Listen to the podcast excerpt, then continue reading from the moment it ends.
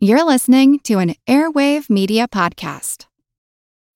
When you need mealtime inspiration, it's worth shopping Kroger, where you'll find over 30,000 mouthwatering choices that excite your inner foodie. And no matter what tasty choice you make, you'll enjoy our everyday low prices, plus extra ways to save, like digital coupons worth over $600 each week. You can also save up to $1 off per gallon at the pump with fuel points. More savings and more inspiring flavors make shopping Kroger worth it every time. Kroger, fresh for everyone. Fuel restrictions apply.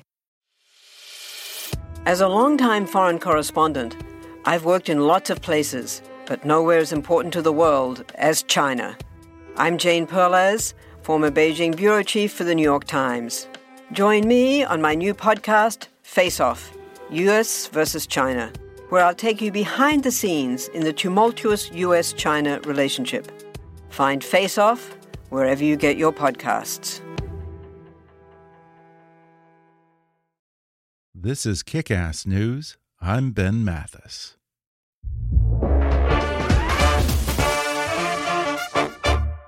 Hi, I'm Ben Mathis. Welcome to Kick Ass News.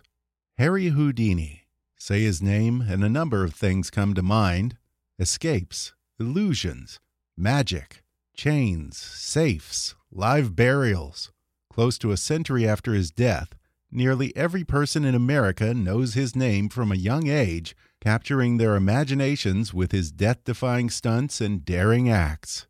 One of those kids was best selling sports writer Joe Posnanski, and now he writes about the magician and his cadre of modern day followers in his new book titled The Life and Afterlife of Harry Houdini. And today, Joe joins me on the podcast to recall delving into the rabbit hole of Harry Houdini's legendary life and separating fact from the fiction invented by Houdini and his followers. Joe discusses the famous handcuffs that Harry Houdini almost couldn't get out of, some of the most bizarre things people challenged him to escape, including everything from a giant envelope to a giant football, and how, when audiences began to lose interest, Houdini upped the ante with increasingly more dangerous escapes. He explains why many people falsely believe that the magician died performing one of his most famous tricks, and we talk about the secret code that Houdini's widow Bess used to try to make contact with him from beyond the grave. Joe also gives us entree into the world of Houdini superfans, from the couple who committed a crime to honor their hero to the mysterious man who calls himself Houdini's ghost.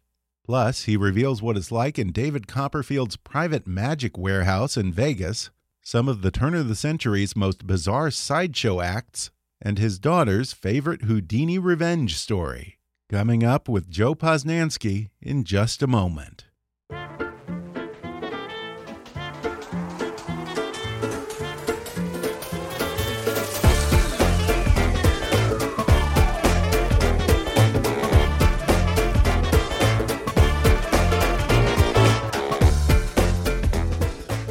Joe Posnanski is a national columnist for NBC Sports and was a senior writer at Sports Illustrated from 2009 to 2012. He was named National Sports Writer of the Year by the Sports Writers and Sportscasters Hall of Fame and was twice named the best sports columnist in America by the Associated Press Sports Editors. He's the author of four books, including the number one New York Times bestseller Paterno, and now he's out with his latest book titled The Life and Afterlife of Harry Houdini. Joe, welcome to the podcast. Thank you. Thanks for having me. Well, Joe, I have been a Magic fan ever since I was a kid performing in my parents' backyard. So this book was a really, really fun read for me. But it's a little bit of a departure for you, it would seem, because here you are, you're a sports guy, and usually there's not much overlap in the Venn diagram of sports fans and Magic fans. Where does your interest in Harry Houdini come from? Yeah, it's funny hearing you uh, give me that very nice in introduction. I was sitting there thinking, wow, how did that guy end up writing a book about Harry Houdini? um, there is a little crossover. Okay. So for me, it, no, there isn't. You're you're 100% right. In fact, one of the magicians who's in the book, Joshua Jay, says that in the Venn diagram between magic and sports, it's him. Like he's the only person in that little sliver. So so you're 100% right. But I, I wanted to write this book about wonder. I had this idea that we, you know, we used to, and when I say we, I mean people, you know, in, in Houdini's time, in Babe Ruth's time, they used to really enjoy, you know, wonder and this idea of this there are things that are impossible and and beyond belief and and so on. And you know, a guy like Babe Ruth was bigger, I think, than any athlete could ever be today. You know, mm-hmm. Babe Ruth used to they used to tell stories of Babe Ruth being on the train uh, and sports writers following him, and then and the sports writers would be playing cards, and Babe Ruth would run through the train and then he'd be chased by a half naked woman with a knife. And and the sports writers would like all look at each other and they'd say, okay, who's dealing next? Because they weren't going to write about it. You know, they weren't going to actually tell anybody.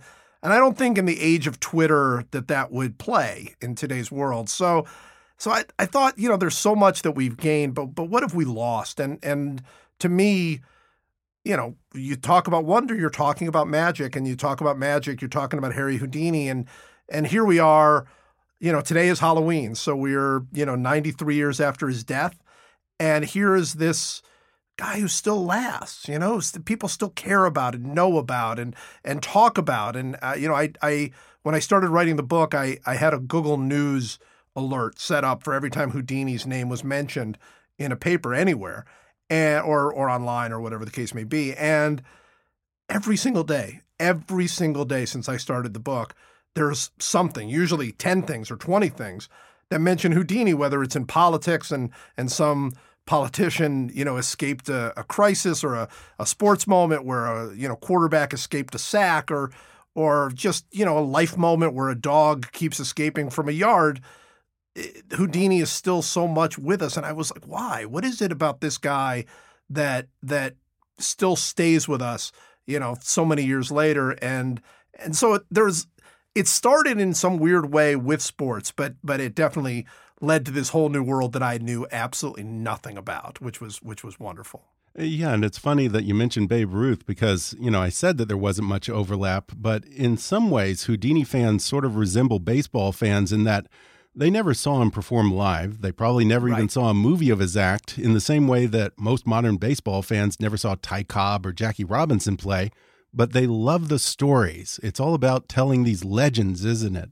Absolutely right. You know, there's it's so funny, you know, among baseball fans, there's there's the famous called shot that Babe Ruth uh, supposedly hit against the Cubs where he pointed uh, in the World Series and and then hit a home run to the spot where he pointed.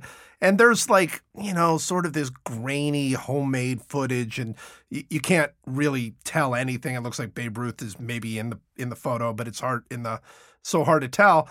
And yet that is still a legend that people tell to this day. We we don't even know if it's real. We don't even know if it's true. And in that's the perfect you know analogy to to a guy like Houdini who did all of these amazing escapes, you know, some of them famous in in the way that, you know, the water torture cell or or uh, the mirror cuffs might be famous.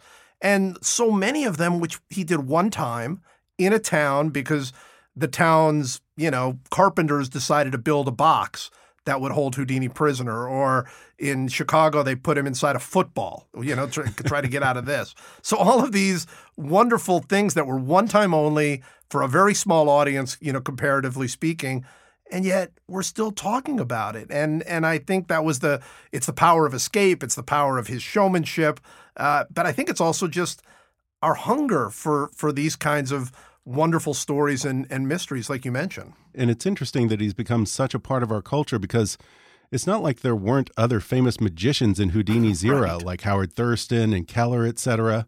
Yet somehow, no one outside of hardcore magic fans remember those names, or even other celebrities of the day like Al Jolson. But everyone still right. knows Houdini. That's exactly right. And you, as a as someone who is uh, you know who has had a life interest in magic, knows that not only uh, was there Thurston and Kellar and and and so many others. They were better than Houdini. You know, I mean, I mean, Houdini was was not a great magician. He was a, mm-hmm. an escape artist. He was he was a showman. He was someone who who kept finding new ways to sort of pair escape and danger, and and he captured the imagination. But Houdini wasn't a great card magician or a great sleight of hand magician or someone who did these wonderful illusions the way that that a Thurston did. And yet he was so good at building the legend of himself, building this larger than life figure that he has blotted all of them out and blotted out many magicians today. Like if mm-hmm. if you ask somebody who's the most famous magician in the world, they might say David Copperfield, or they might say David Blaine, or they might say Penn and Teller, and that's about it. Or they're going to say Houdini because because even now he he still manages to sort of blot out all the other competition and and and somehow be at the top. Which you know, knowing Houdini's ego and and and ambition and drive would undoubtedly make him very very happy. And I have to imagine that Houdini must have been a difficult subject to look into because there are so many different versions of the man, so many rabbit holes and stories that turn out not to be true or can't be verified. Did it make right. for a frustrating research process? It's interesting because I write about uh, a guy named Ken Silverman who wrote, I think, what what most people inside of magic would still consider the the the best Houdini biography uh, ever. You know, the one that that really tried to to separate fact and fiction and myth and and and truth and all of these things. I came at it from a very different perspective, which made what would have been a frustrating thing if I was trying to write a straight biography of Houdini. That would have frustrated me to no end. Like you know, you hear this great story and and okay, I'm writing it, and then oh no, it wasn't true. But for me, the the lies and the myths and the misdirection it was part of the story. You know, it, mm. it, was it was fun for me to find out, oh, this isn't actually true because because even though it wasn't true, it's a story that that built his legend and built his story. And and my book is is really about you know wonder today and and what Houdini teaches us about that and about all of these people whose lives were were altered by him and changed by mm. him and inspired by him and and so so all of these great stories, like there, one of my favorite points of the book is there's a very famous story of Houdini performing for the Tsar in Russia. Right. Um, and and supposedly he said you can you know ask me for anything, and the czar said, "Can you make the bells of the Kremlin ring again? They have not rung for more than a century. Can you make them ring again?" And Houdini went to the window and did some sort of you know magicy hocus pocus move, waved a handkerchief and the bells of the Kremlin rang. And and the story is that Houdini's uh, wife Bess had a little air gun that she shot at the bell to make them ring again. It is entirely untrue. From from really? the very beginning of the story, he did not perform for the czar. Like nothing about that story is true. But that story was invented by Orson Welles the the the, oh, the great oh, yeah. film director. So to so I you know on the one hand you're like oh I can't tell that story, and then on the other hand not only can I tell it, but I can tell that Houdini, you know his his power was so great that he inspired one of the great film directors of all time, 25 years after Houdini's death, to invent this beautiful story of Houdini, you know, fooling the the czar of Russia, and it's uh it's you know that that's that to me was so much fun was not only getting to the myths because I tell them you know as many of them as I can in this book. There but I never tell you you know that I, I, tell you right away I never tell you that it's the truth. I always say you know this is this is mythology. And that actually mm-hmm. very interestingly um, for me as a writer you know and for you as a as as a creator it offered an opportunity to do something which I've I've always wanted to do which was try to write magically you know try to create like a little a little illusion a little magic trick. There's there are a couple of chapters in particular that i love because there's a there's a there's a beginning there's a middle there's an end just like a great magic trick there's there's suspense and then and then what you think is real and then what is actually real and um, you know houdini was the ideal subject to try that kind of writing. Yeah. Yeah. It's amazing that Houdini wasn't just reinventing his own story, but now he's inspired other people to reinvent his story. and, and I think exactly I remember right. that story of uh, him making the, the bells at St. Basil's ring from the Adrien Brody miniseries on History mm -hmm. Channel. So that's totally untrue. And yet they included it in the movie, huh? Yeah, it's I mean, and I and I understand it because it's such a good story that you want to film it, you want to mm-hmm. put it on, you know, and and and they did include it as as they included a lot of other myths, by the way, in that right. in that miniseries. But it's but it's wonderful to see, and you know, eh, to have not only you know his wife and and his friends and other people sort of invent these legends about him. Like like probably everybody has heard the legend that Houdini would get out of straitjackets by dislocating his shoulder. Right. Like that is that's like a big Houdini. It's totally untrue. and and but it was it was something people said while Houdini was alive. And Houdini loved it. He loved that people had because he didn't actually come up with that. Somebody else did. And and they said, "Is it true, Mr. Houdini, that you escaped by dislo- escaped by dislocating your shoulder?" And Houdini was like, "I'll never tell." Right? I mean, he'll just he he just played it off, and and yeah, I mean, he created so much of his own myth but he really did inspire other people to add chapters to it. And and some of the most famous chapters are not Houdini inventions. They're they're other people who came up with them. Now, I want to talk about Houdini's early days. Uh, you say in here that he overlapped with and worked with a lot of sideshow performers early on, and some of these acts are pretty funny. Um, what were some of your favorites? Well, my favorite one is is one that is again maybe a myth, but it's one that Houdini specifically uh, talked about, and that was a woman whose entire act was getting bitten by rattlesnakes. And and that's all she would do. She would like go on stage. She would first have the rattlesnake uh, like bite a rabbit and kill it. Like that was that was like to sort of like the this is a real rattlesnake. and then the rattlesnake would bite her and she'd be fine. And and like she would do this multiple times. And I thought, boy, that's first of all, what a talent, right? I mm-hmm. guess to to be able to get bit by rattlesnakes continuously. Um, but that's that's where he was. That was the world that he lived in. You know, he lived in the world where they would have, you know, Cowboy Ben, the the cowboy who can play piano. You know, like that would be an opening act, uh, or Houdini would open for him. I mean, this mm-hmm. was at a time when Houdini was was was really unknown. So so he would do these things for you know people who had odd, you know, the the the, the bearded lady and the giant man and and and you know these kinds of sideshow performers, but also all kinds of weird. I mean, it was really fun. My one there's a there's about a two page section in the book that you that you alert uh, alluded to, um, where I just listed off a bunch of these, you know, wonderful, crazy, you know, the yodelers and and and and people that uh, you know, one person like there was somebody he got into a fight with, so he bought a gun. I mean, this was it was such a ragtag, dangerous, yeah. uh, you know, world that he lived in, and he was making no money,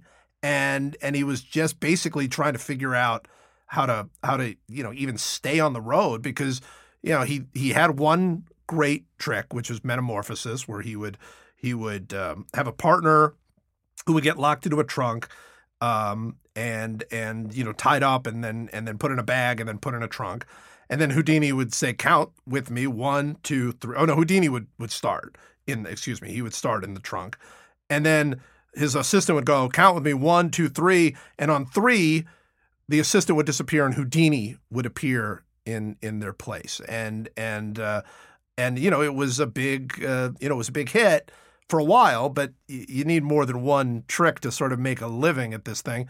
So he tried all kinds of stuff. He tried comedy, he tried music, he was he was in you know tried to be an actor. I mean, he tried all sorts of stuff because he was running out of uh, running out of real estate, I guess, on on his on his magic stuff to the point where he almost quit. Where in in yeah. 1898 he tried to sell all of his secrets, and uh, and nobody bought, and and that's that's where he was. He was at a yeah. point where he was a magician who's, who nobody even wanted his secrets, and and uh, you know surrounded by all of these sideshow performers. So then, what was the big break for Harry Houdini? Well, there really are two, but but the biggest break for sure was very shortly, just months after he he put out his catalog to sell all of his tricks. He he went back on the road and was kind of finishing out a couple of uh, of you know uh, previous engagements and he was in Minnesota, and a man named Martin Beck, who was uh, a big a big guy in in Broadway. He, I mean, in uh, vaudeville at the time. He he was someone who owned who, the Orpheum circuit. There were theaters called Orpheum, which there's still some right. today. And I think there's um, still a um, Martin Beck theater on Broadway, isn't there? That that is correct. Yeah. Later on, after after the whole Houdini scene, Martin Beck built the biggest vaudeville stage uh, in in you know history on in New York, and you know it was the Palace Theater, and it was going to be this this larger than life thing, and and you know to this day, um, there's a Martin Beck Theater in yeah. New York. So he was he was a big guy. He was still he was still uh, developing. You know, he wasn't he wasn't the because later he'd become the biggest guy in Broadway, but he was still big, and he came to see Houdini and thought he saw something. He was as a talent scout, and he was a very talented guy at finding new acts. And he called Houdini, went to dinner with Houdini and Bess, his wife, and said, "I'm going to be blunt with you. The, drop the magic. The magic is not working for you. you. Your birds and your cards, and nobody cares. Everybody does that. Stick with the handcuffs. Stick with the escape. Like that is your ticket. Is is people are so taken by your ability to escape from any situation. That's your future. And Houdini rebelled at that at first. He was a big, big magic fan. You know, his name is he named himself after after the great magician Robert Houdin, where he added an I to the end of Houdin and and became Houdini. So he he didn't want to do it at first, but then he realized I have no money, I have no jobs. It's Martin Beck, and he he started to do it, and almost instantly became a bit of a sensation, which is you know just tells you that he was obviously very good at what he did, and he was a great showman, and he just needed a break, and Martin Beck gave him the break. The second one is is about a year later, after a very successful tour on uh, on vaudeville, he went to England, basically with nothing, no bookings, uh, no reputation.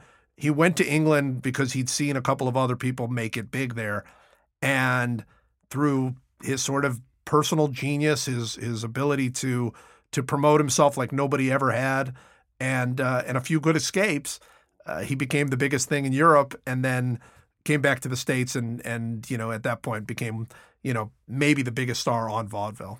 And, and I think that this is the time when he gets introduced to Sir Arthur Conan Doyle, right?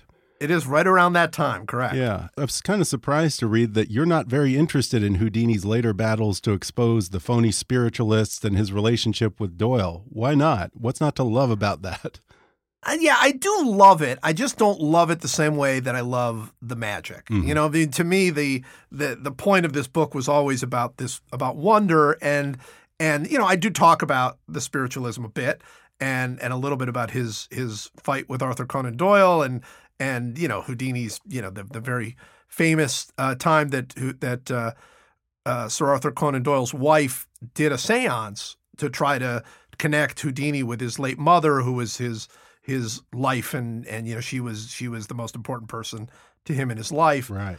And and then she you know wrote this long letter that she said was from Houdini's mother, and it had a cross at the top of it, and Houdini uh, his father was a rabbi, so so he basically putting a cross on the top of a of, of a rabbi's wife is. Uh, it, Houdini thought, "Wow, this isn't super real," and and undoubtedly had some impact on him and and mm. his later fights with with spiritualism.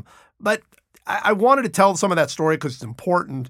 But I didn't feel like, for me, because this is such a personal book, and and and it's such a such a uh, fun opportunity to to tell great escape stories and tell stories about magicians today and magic today and all of that that I, I didn't want to veer too far off course and I felt like spiritualism was just a little yeah. bit out of bounds for me. Well, Houdini was a consummate master of publicity, and he had this thing where he would invite the police or lockmakers or everyday people in every town that he visited to actually challenge him to escape, say, their local jail or a safe, etc. What were some of the more exotic challenges that you love? Oh, I loved so many of them because every town was different. You know, mm -hmm. he, he mm-hmm. would like he would go to Pittsburgh, and then the nurses association would had an escape where they tied him to a hospital bed, right? so it's like you would go to a, a beer, uh, you know, a, a, place where a beer distributor wanted to put him inside of a milk can filled with beer, you know, and he would go to.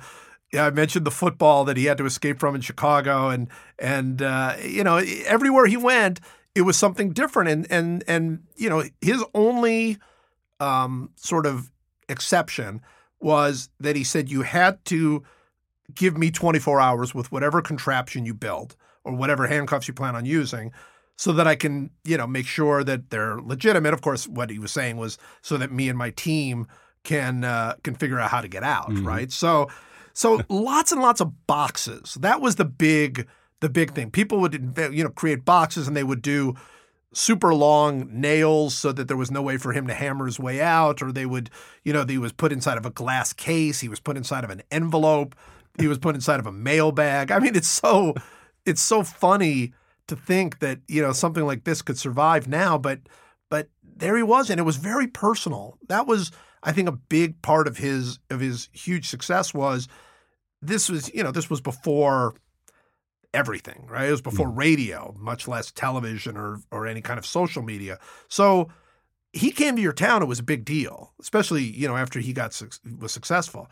And then he would say, "Hey, be near the newspaper office downtown at noon, and I'm going to hang upside down from uh, you know five stories above the ground and escape from a straitjacket, and it's free." It's totally free. Just come downtown. And thousands and thousands and thousands of people would come and they would see Houdini, you know, do that. And then, of course, you know, this was all promotion for people to come to his shows.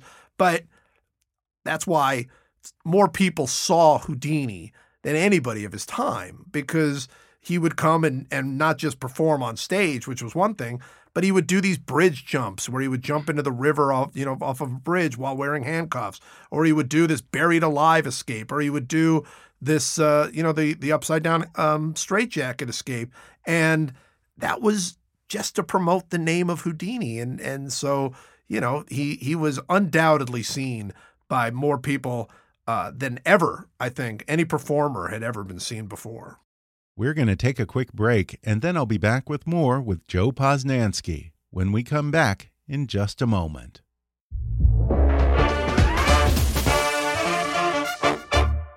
Today's episode is brought to you by Kronos. Kronos knows that for many organizations, maintaining a modern workforce of hourly, full, or part time workers can be a challenge. This is especially true for human resources professionals working hard to attract and retain all of the best talent. That's why Kronos puts HR, payroll, talent, and timekeeping on a single cloud based platform. It's one especially designed to give HR professionals supporting a blended workforce a whole new level of confidence. With Kronos, they have everything they need to tackle nearly any human resources challenge and are empowered to not just find and hire the right people, but to engage, motivate, and reward them every step of the way.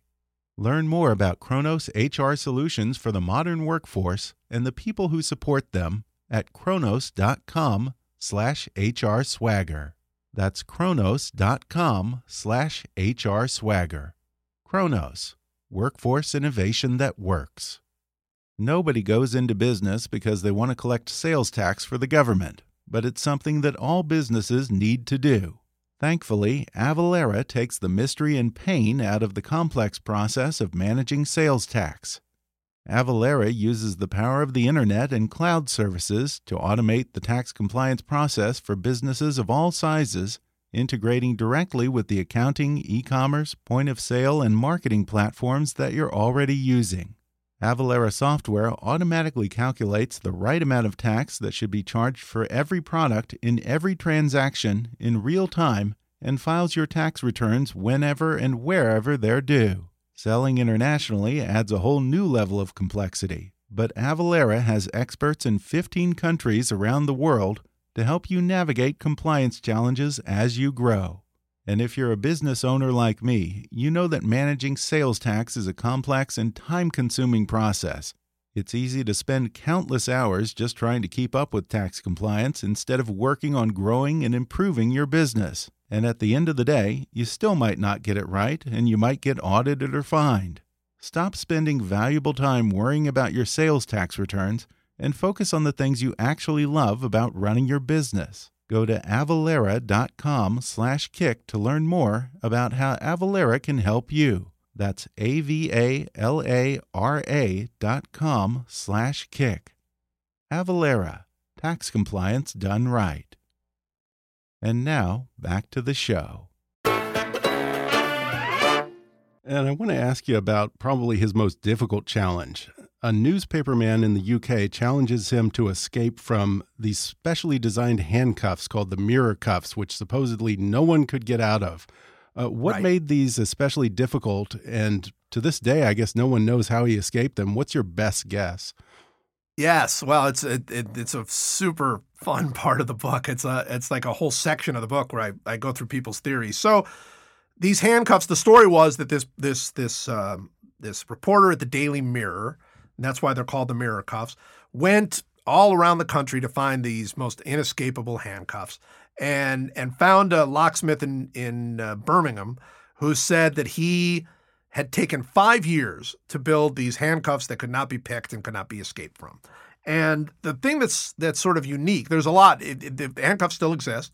They're they're in David Copperfield's private museum in Las Vegas.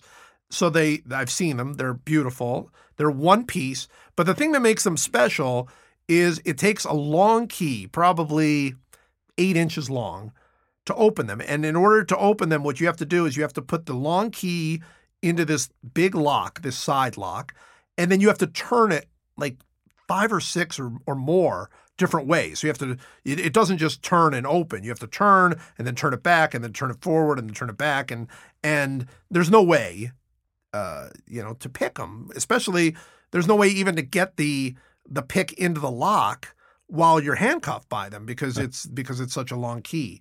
So this was the challenge and Houdini made a very big deal about not wanting to take it.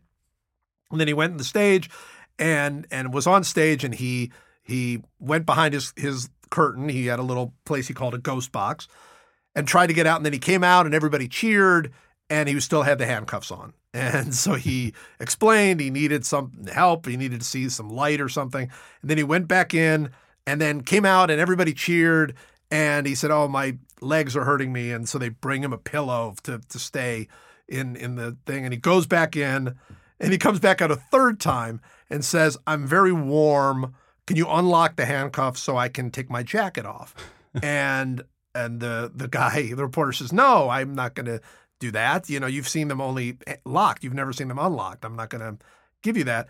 And Houdini, without even hesitating, sort of reached into his coat pocket with his teeth and pulled out a a penknife and started like pulled his coat over his head somehow and slashed with his with the penknife and like tore the jacket off of his body wow. using this penknife, which in itself is an amazing magic trick, by the way. Yeah. And the crowd goes crazy, just crazy. And this has been 45 minutes already of nothing happening, essentially. So they go absolutely crazy. And then 20 minutes later, he came out and he was free. And the place went you know, insane and they carried him on their shoulders and he talked about it being the greatest thing he'd ever done and and you know, the mirror the Daily Mirror reporter conceded defeat and and it was this big moment and it was and it was played up quite big because because it was a newspaper reporter who had issued the challenge. So uh, so all the Fleet Street papers were there and it was, you know, it's it's it's by far I think the most recorded of all of Houdini's uh, tricks. And yet, as you mentioned, 115 years later or so, we still don't know. We don't know how he did it. Everybody in magic has a theory about it. And I write about a bunch of those different theories. And then at the end, I couldn't help myself because this book has, has it doesn't reveal uh, how he did things. You know, if you, people want to know how he did things, there, you know, there are plenty of places out there you can find how he escaped from, you know, the milk can or whatever. Um, but I had to throw my own opinion. So my own opinion, not to ruin it for for people, but is that the whole thing was a setup uh, by Really? Houdini. yeah, and and that he he you know quite brilliantly invented this story. And but there's there's a there's a there's only one way that I could see how he pulled it off, which is more interesting to me than the fact that it was a setup or not a setup. Uh, there's only one way I think he could have pulled it off, and I'm not going to tell people that. Hopefully, they'll read the book and uh, and and see how uh, how he did it. At least how I think he did. it. Yeah. It's hard to imagine people today sitting in a theater and waiting while someone behind a curtain tried to escape something for 45 Could you imagine? Could, Yeah. I mean, and, and that's one of the wonderful things about Houdini to me is everything he did. If you take two steps back, it's ridiculous. You know what I mean? I mean, it's like in the moment. But here, here he comes out and he goes, "Look, this is a water torture cell that I built myself and I invented, and now I'm going to go in it and I'm going to escape." I'm like, well. Well, of course you are. I mean, you built the thing. I mean, it doesn't that doesn't seem to make a lot of sense. And and this was exactly the same thing. He would come out with handcuffs. He he never would do handcuff escapes in public. He would always do them in his little in his little, you know, box. So could you imagine today like somebody saying, "Okay, I'm going to escape from these handcuffs. Hold on, I'll be right back." And then he would go into a box and then he'd come out and he'd have the handcuffs off. I mean, that would not exactly play. And and it's you know there would people would wait for 20 minutes, half hour, 45 minutes, an hour, you know, on some of these escapes, staring at nothing, just listening to a, a little band play music and just staring at a curtain, hoping he'll come out.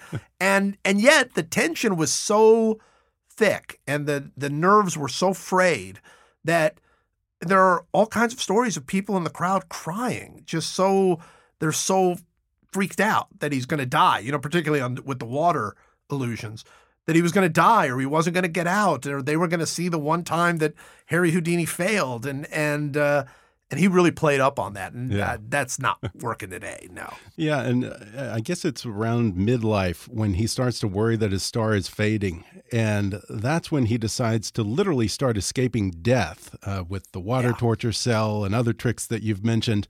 Tricks where he would die if he couldn't escape, and they become increasingly more and more dangerous. Uh, there's almost a certain level of madness to this now. Oh, absolutely. There's madness, and and and it's and it comes from a place of madness, which was that people were going to forget him, mm-hmm. that people were going to lose interest in him. He, that that was his sole fear. Mm-hmm. You know, I mean, he he was not afraid of pain, and he was not afraid of of uh, of you know of these these dangerous things that he did.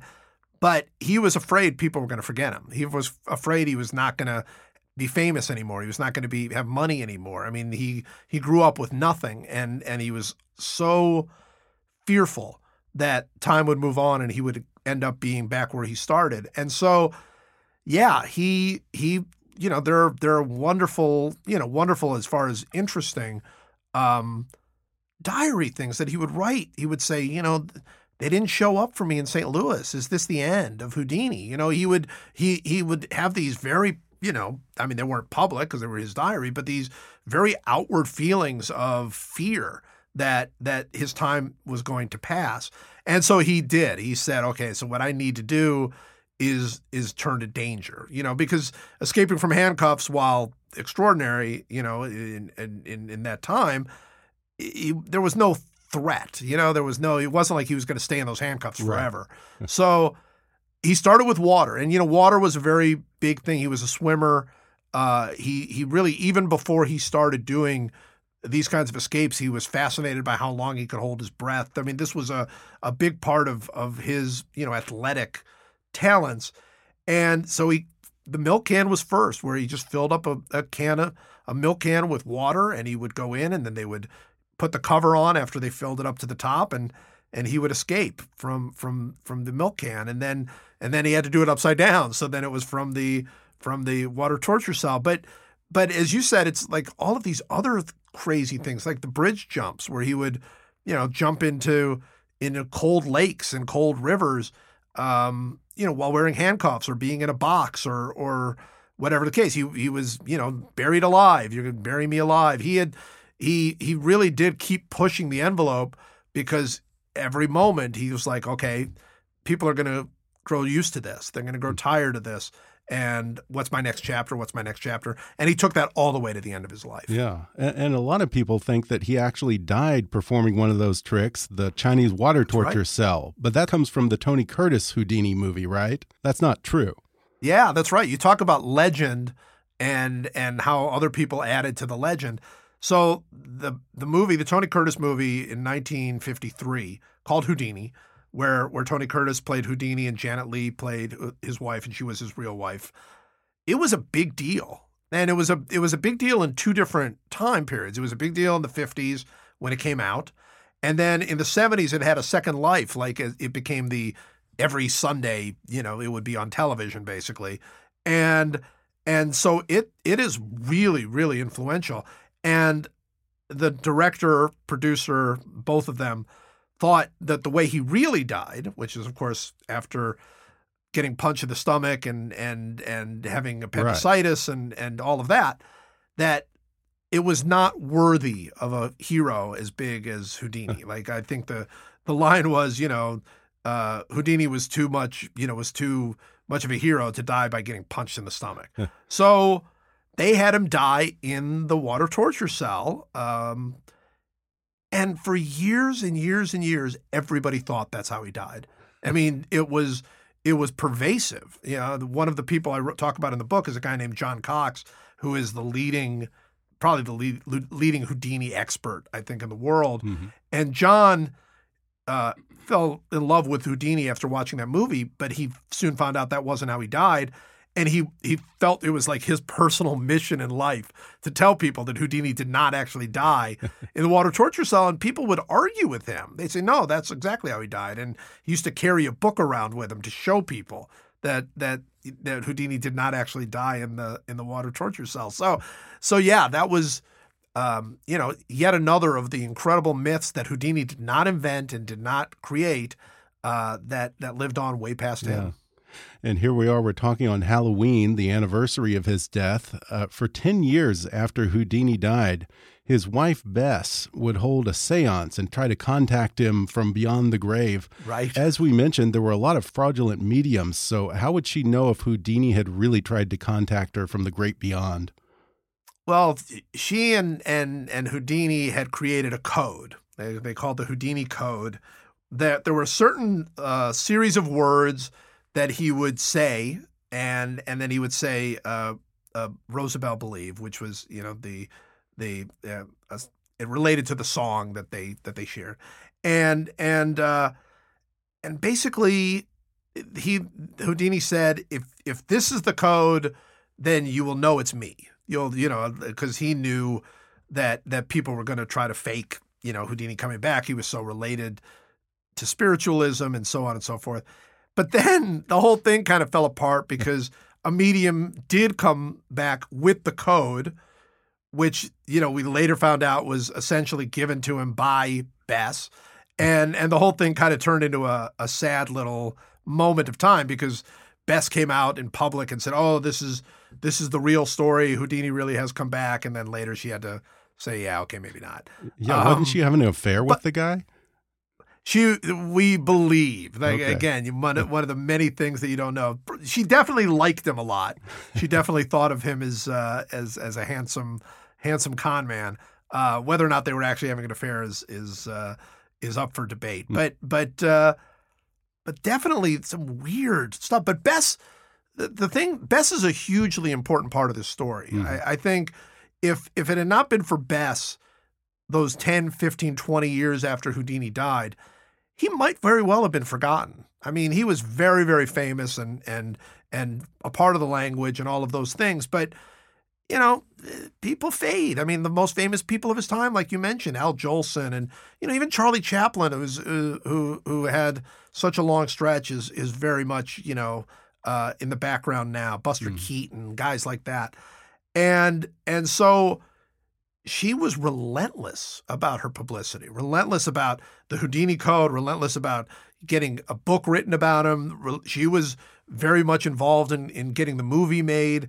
Uh, so she she was someone who kept pushing and kept pushing, and and I, feel like she definitely bridged a very big gap until until the movie came out, and then the movie was was very successful for about twenty years, and then a whole bunch of other people took over and and uh, and continue to this day to to sort of share his story. Yeah, and I want to talk about the Houdini fans in the time we have left because this book is as much about them as it is about the man himself. Um, One one couple that you run into are Dick and Dorothy Dietrich, who are two hardcore fans. They built a Houdini museum in their hometown, and I guess they even committed a crime to honor their hero. Right? yes, that is correct. I'm actually going. The, the Houdini Museum is in Scranton, Pennsylvania, uh, which has no connection whatsoever to Houdini, other than I guess he he performed there, maybe. Um, but that's their hometown.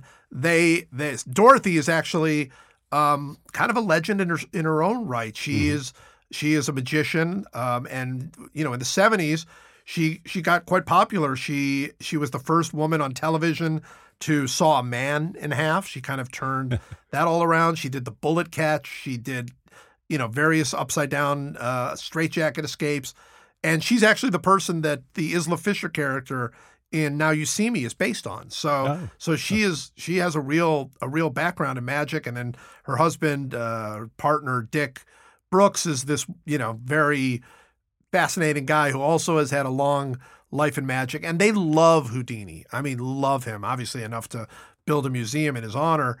Uh, and and yeah, they what what happened was at Houdini's gravesite, there is a bust of Houdini's head. And it has been there since the beginning, except every Halloween, usually, although it could be any time of the year, people would come in and they would steal the bust or they would or they would vandalize the bust. And it got to the point where they basically said, okay, you know what? We're taking the bust away. This is this is only hurting. So for many years there was no Houdini bust at the at the place. And and Dick and Dorothy did not like that. And they did. They broke in to the cemetery and put their own bust in there that they had specially made. Uh, and Wow. you know they were caught. They did get caught, Yeah. and and the the, the cemetery people let them do it because why wouldn't you at that point? Uh, but that was their that was their plan was to to secretly go in there and uh, and return this Houdini bust to uh, to the gravesite. And there's also this elusive figure that you sort of chase throughout the book uh, who bills himself as Houdini's ghost. Toward the end, you finally Yes. meet up with him at the Magic Castle in LA. What's he like? He is a true character, just say. Uh, his, his name is Pat Culliton, and he is an actor, uh, was an actor, and still does some acting, um, who had a, a very rough, you know, he went to Vietnam and, and came back, and, and like many, many who went, you know, didn't find the same life for himself when he came mm. back, and acting jobs were hard to come by. And, and he had always loved Houdini and, and decided to start going around the country and doing like circuits, talking about Houdini, doing a few of Houdini's tricks. He called himself Houdini's ghost. And as time kept going on and on, he he started becoming this very, I mean, legendary Houdini expert. And he put out these very odd but but but super interesting books about Houdini, about his life, about his secrets, and and they're they're impossible to get. They're impossible to find. Uh, he only printed a few copies of each, and and they're like these little bits of gold inside the the, the world of Houdini, and and uh, and yeah, I I felt like it was really important to talk to him. He did not want to talk, and then uh, I kind of wore him down, I guess, and and was able to meet with him at the Magic Castle in L.A., which is this wonderful clubhouse of magic. And uh, and I wrote about him, and I wrote about him, I think, quite lovingly. I, I, I you know, really moved by his story and his life and his his energy and his passion. Um, but I will tell you, he hates the book. I mean, hates The, your book. book? yeah. Oh, hates Really? it. Why? I mean, to to, to an extreme. I, it's it's why is a very difficult thing to come by. You know, he says, "What's this is the most dishonest book ever written about Houdini," and I'm like, "Well, what's dishonest about?" No, I can't tell you. So, and I think in a way that that I, I- I mean, of course, I wish he would have liked it. I, you know, I, I worked very hard to to make him, uh, you know, come alive, and and I wish he would have liked it. But in a way, it's better that he doesn't because he's there's so much of Houdini in him, and there's no doubt in my mind Houdini would not like the book, not because Really? of of anything specific in the book, but because he didn't write it. You know what I mean? It's not it's not Houdini's. yeah. And who, nothing Houdini hated more than imposters. Yeah. Anybody trying to make a dime off of his name uh, was was enemy number one. And so, you know, in a way, I I kind of appreciate that Patrick. You know, I think Patrick's like, hey, you know, I'm in this book, but I didn't write it, so I I understand that, and and I still love the guy. I still love the guy. Now, if there's anyone who might be considered the successor to Houdini, I suppose it would probably be David Copperfield. You say in here that Copperfield and Houdini are nothing alike and entirely alike. What do you mean by that? Yeah. Well, they're nothing alike in the way they perform. They're nothing alike in the way that they they act. I mean, they're they're very very different people. David Copperfield didn't even come from magic. You know, David Copperfield Right. was a prodigy, right? But he he loved Broadway. He loved songs. He loved movies, and and he you know he made his career on sort of building magic through those things. You know, through the lens of Broadway or or you know music and and you know Houdini was totally different in that way. And they were totally different personalities. I mean, David Copperfield is not the the bully that Houdini was, or or you know he's not. He's, they're they're just different. But then you step back and you go, okay, David Copperfield changed his name. You know, he's a a young Jewish kid who fell in love with magic, changed his name, became the world's biggest magician, and there's a relentlessness to Houdini and to Copperfield that I don't think anybody else has. Because I think you could make a pretty good argument in the magic world that the guy who is the direct descendant of Houdini is actually David Blaine, right? Because David Okay. Blaine As does all of these es- yeah. escapes, right, and and crazy stunts and all of this. But Copperfield works so hard, even now. He's a billionaire and he owns like seven islands. and yet, you go to Vegas on Christmas week, he's doing three shows a day. Christmas week. Wow. And why? You know, what is it that drives? And I thought to myself, if I could figure out what it is that drives David Copperfield to do that at a point in his life when he is, you know, the most successful guy, I can figure out why Harry Houdini, when he was the most famous, you know, magician, uh, escape artist, performer, maybe in the world, why he still, despite, despite, you know, being in agonizing pain, refusing to to get off the stage in Detroit uh, you know, because the show must go on. And and so so to me that there there's a connection there that that is obvious. You know, the the the the two guys who changed their name and became world famous magicians. And then there's some drive and ambition that those two people have that I think is is less obvious, but but every bit as interesting. Yeah, I can definitely see that connection of that need to constantly be one upping yourself and doing something new to keep people interested. Because it makes me think of, you know, when he vanished a jet, and then after he Yeah. vanished a jet, he had to make the Statue of Liberty disappear. It's just getting bigger and bigger. Yeah, it was it was it's an endless it's it's you'll never do I think in magic you'll never do the perfect illusion, right? You'll never there's always something better, something bigger, something better, something more amazing, something more impossible. And you know, I think both of them have been in search of that. I think both of them live on the stage in a way that's different from the way they live the rest of their lives. Um, and then there's just something else that's very difficult to capture uh, about both of them. Uh, You know, I think Houdini spent his whole life building Houdini. You know, ma- ma- making Houdini something bigger and and grander than anything that had ever come before him. And I think there's a little bit of that in Copperfield too. I mean, mm-hmm. he's he's got this incredible museum, private museum in Las Vegas, which Yeah. he was kind enough to let me tour. And and you know, it's it's it's a magic trick all its own. I mean, hmm. it's it's the most extraordinary thing. It's like walking into his mind. Yeah. And you know, he loves that. It's beautiful. He loves that. And then he's performing, you know, a completely new act in Vegas, which involves an alien and and and so on, trying to find you know new ways to to to push magic. And I think that they connect that way. I think they connect, and that there was never enough. There's there's always something more, and and they're never going to stop chasing. it. Yeah. And I'm so jealous that you actually got to visit his warehouse because David Copperfield, he has this almost legendary magic collection that I think is the biggest in the world, a private collection that he houses in this warehouse in Vegas. And in my imagination, I'm sort of picturing something like the closing scene from Raiders of the Lost Ark or something. is that about right? And what kind of stuff Yeah, is in there? That is about right. It's Yeah. it's the most extraordinary place I've I've ever been in its own way. You know, you walk in and there's a perfect representation of his father's store, uh, men's store in New Jersey. it's it's exactly you know you know shirt for shirt like uh, like that men's store in New Jersey. And then you go to the back in my time because I think he's changed it a lot. You go to the back and you pull a tie and the whole back wall opens up and then and then you're in the world's greatest collection of ventriloquist dummies because he started off as a ventriloquist Wow. and Really? and it's creepy and weird but but interesting and then you walk into one of the world's largest broadway collections because of his love for broadway and then a huge movie collection where he has like all kinds of all kinds of you know posters but also you know bits of sets from different movies.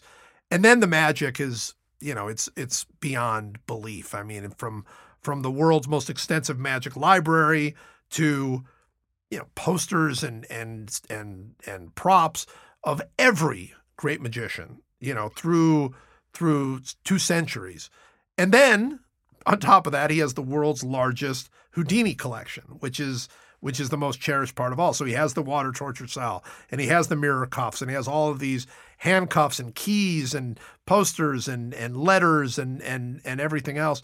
And it's it's incredible. It's the kind of place where at some point the producer, his producer, took me to a back room where he was going to show me some other things. And it wasn't for public view. It was just like a little back room and there was a couch there and a table, just a ratty old little you know, place, um, and a lamp. And as we're leaving, he showed me the letters he wanted to show me. And we're leaving, he said, Oh, feel this. And he reached behind the lamp and pulled out an Academy Award. and really? I'm like, What? And he handed it to me and he said, Feel how heavy this is. Isn't this really heavy? Like it's amazing that they're on stage and they hand him an Oscar and and and it's so heavy. I can't believe more people don't drop them. And I'm like, oh, that's interesting. Yeah. And and then he puts it back behind the lamp and we get ready to leave. Like that's it. Like it, it, this is nobody will ever see this. It's nothing. And so we're walking out and I said, you know, can I ask you a question? And he's like, yeah. Whose Oscar is that back there in the middle of nowhere behind a lamp? And he says, you know what? I don't even know. And we go back and he pulls out the Oscar and it's the Oscar of that Richard Curtiz won for directing Casablanca. Oh my God. and I thought the the director's Oscar for Casablanca, uh, the one of the great movies ever made, yeah. is like in this storage room in the back. I mean, that's that's the kind of museum this place is. It was it was uh, dizzying, absolutely dizzying. well, before we go, I know that you've apparently passed down your love for Harry Houdini to the next generation in your family. You say that your daughter shares your interest in Houdini and particularly Houdini revenge stories, right? Yeah, it is. It is true. My oldest daughter, who who gave me the hardest time during this book, because she just constantly was like, "Yeah, I feel like we're haunted by this guy. This guy won't go away," and and and uh, and you know, but but all along, sort of showing a little interest and a little, uh, you know, a little bit of fun and and uh, and kind of getting into it a little bit more and more and more. And you know, but she still never stopped giving me a hard time about it. But then I started telling her uh, some of the Houdini revenge stories, and you know, my favorite one is he was on tour and and he he heard about a guy who called himself Kleppini and who was doing his act. And it so enraged him that he went to the head of the tour and said, Listen, I'm taking off the next three days. I mean, Houdini never did this. He said, I'm taking off the next three days. I'm, you're going to have to cancel those shows or I'll do them at the end, but, but I'm leaving. And he left and he went and found this very, by the way, let's just say, very obscure magician, escapologist who was doing no business. You know, he was he was nobody. But he went there he dressed up like an old man, and then Kleppini, you know, did his his bit, and then he said, "Is there anybody in the audience who wants to challenge me?" And Houdini comes out, uh, is dressed up like an old man when he walks up with a cane, and he says, "I want to challenge you," and and he pulls out these handcuffs and he puts them on Kleppini, and as soon as he puts them on, he tears off his his his costume and says, "The audience may go home now, for no man." who Harry Houdini locks into chains ever escapes. and everybody goes crazy and Kleppini's finished and you know of course he couldn't get out and uh, and and that's the story. And so of all of the Houdini stories that I told my daughter, that was the one that she loved. Like she loved like tell me more revenge stories by Houdini. So so she liked the dark side of Houdini, yeah. I guess. well, again, the book is called The Life and Afterlife of Harry Houdini. Joe Posnanski, thanks so much for talking with me. Oh gosh, thank you. This was great. Thanks again to Joe Posnanski for coming on the podcast. Order his new book, The Life and Afterlife of Harry Houdini on Amazon, Audible, or wherever books are sold. Keep up with him at joeposnanski.com or on Twitter at, at jposnanski. Folks, I've been a small business owner for just about 20 years now, so I know how easy it is to waste a lot of time trying to keep up with taxes. And tax laws are so complicated, at the end of the day, you still might get it wrong. So stop wasting valuable time worrying about your sales tax returns and focus on the things that you actually love about running your business with a little help from Avalara. Avalara simplifies sales tax compliance with real time rates and automatic filing. Their software seamlessly integrates with the systems you're already using, so it couldn't be easier. Go to Avalara, A-V-A-L-A-R-A dot com slash kick to learn more. Avalara, tax compliance done right. Today's episode is brought to you by Kronos. Kronos provides HR solutions for the modern workforce and the people who support, motivate, and engage them. They put HR, payroll, talent, and timekeeping on a single cloud based platform. Learn more about Kronos HR, payroll, talent, and time at kronos.com slash HR swagger. That's kronos.com slash HR swagger. If you enjoyed today's podcast, be sure to subscribe to us on Apple Podcasts and rate and review us while you're there.